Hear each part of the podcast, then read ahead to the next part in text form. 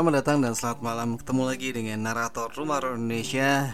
Semoga sobat RHI sekalian berada dalam keadaan yang sehat dan lancar segala urusannya. Dan pada malam hari ini saya akan bacakan sebuah cerita Dengan judul Misteri Menara Saida.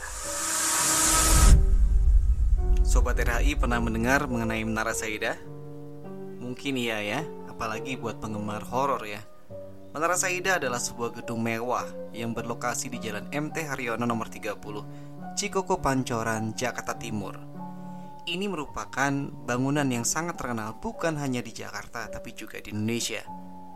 Menara Saida bukan terkenal karena bangunannya megah, bukan juga karena arsitekturnya, arsitekturnya yang unik, melainkan terkenal karena kesan angker yang lekat dengan bangunan yang sudah dibangun sejak tahun 90-an ini.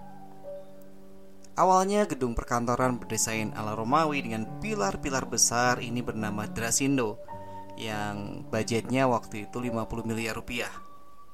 Kepemilikan juga sempat berganti dari Muriati Sudibyo, pemilik perusahaan Mustika Ratu sampai menjadi milik Saidah Abu Bakar Ibrahim dan namanya kemudian diubah menjadi Menara Saidah. Di balik megahnya gedung Menara Saidah, ternyata terdapat banyak kisah horor yang terjadi sejak ditutup pada tahun 2007. Penutupan bangunan katanya dilakukan karena adanya dugaan kemiringan beberapa derajat pada bangunan sehingga khawatir membahayakan keselamatan. Selain itu juga mungkin ada faktor yang lain. Berikut ini adalah sejumlah cerita menyeramkan yang pernah terjadi di Menara Saida. Kita mulai dari bagian basement ya. Katanya sih di basement ini ada sesosok penunggu yang sering memanggil-manggil. Kadang juga menangis Padahal tidak ada orang lain yang ada di basement. Bahkan ada yang bilang ada makhluk astral yang berani menyentuh bagian tubuh orang-orang yang berlalu lalang di situ.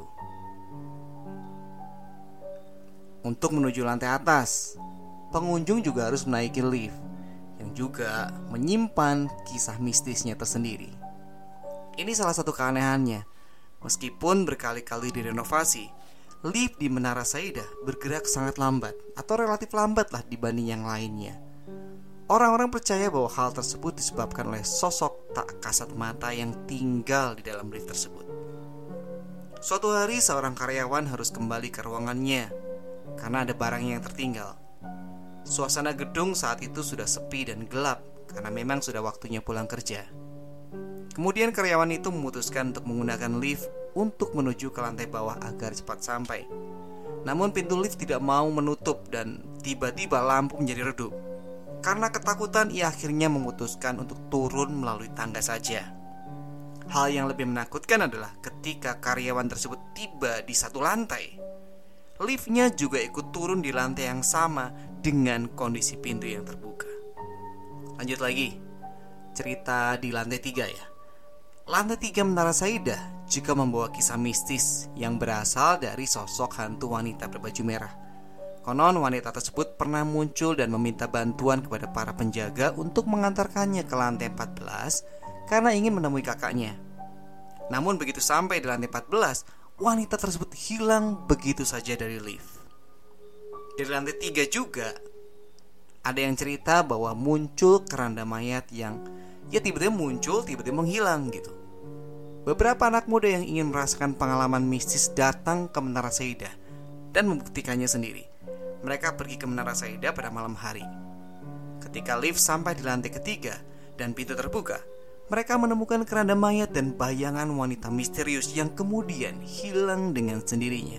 Menara Saida pada malam hari memang memberikan nuansa angker dan seram. Gedung yang sudah lama tidak berpenghuni itu kadang terlihat ada di beberapa lantainya menyala lampunya pada malam hari. Penjaga keamanan memastikan bahwa tidak ada lampu yang menyala.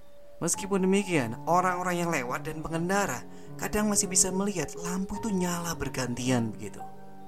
Kejadian menyeramkan pernah datang dari seorang ojek online yang mendapatkan orderan dari lobi Menara Saida pada pukul 11 malam.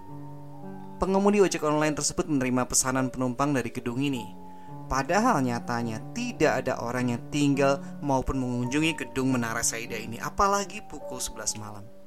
Bukan hanya itu, Ada juga seorang pencari kerja yang mendapat panggilan wawancara di Menara Saida. Namun tentunya ia urung hadir karena posisinya berada di Tulung Agung di Jawa Timur sana.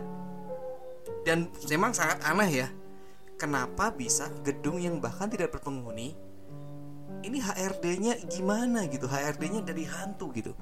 HRD hantu ini mengundang orang wawancara yang jaraknya sangat jauh dari Jakarta, dari Jawa Barat ke Jawa Timur. Nah, serangkaian kejadian mistis yang terjadi sebenarnya masih banyak lagi ceritanya ya. Pokoknya yang terjadi di Menara Saida ini diyakini oleh masyarakat sekitar karena posisi gedung yang dulunya ini dibangun di atas tanah pekuburan. Di mana tanah pekuburan ini katanya sih ya tidak dipindahkan. Jadi masih ada tulang belulang yang tersimpan di sana. Merinding kan? Oke deh. Segitu aja cerita buat hari ini. Sampai ketemu di cerita berikutnya. Selamat malam, selamat beristirahat.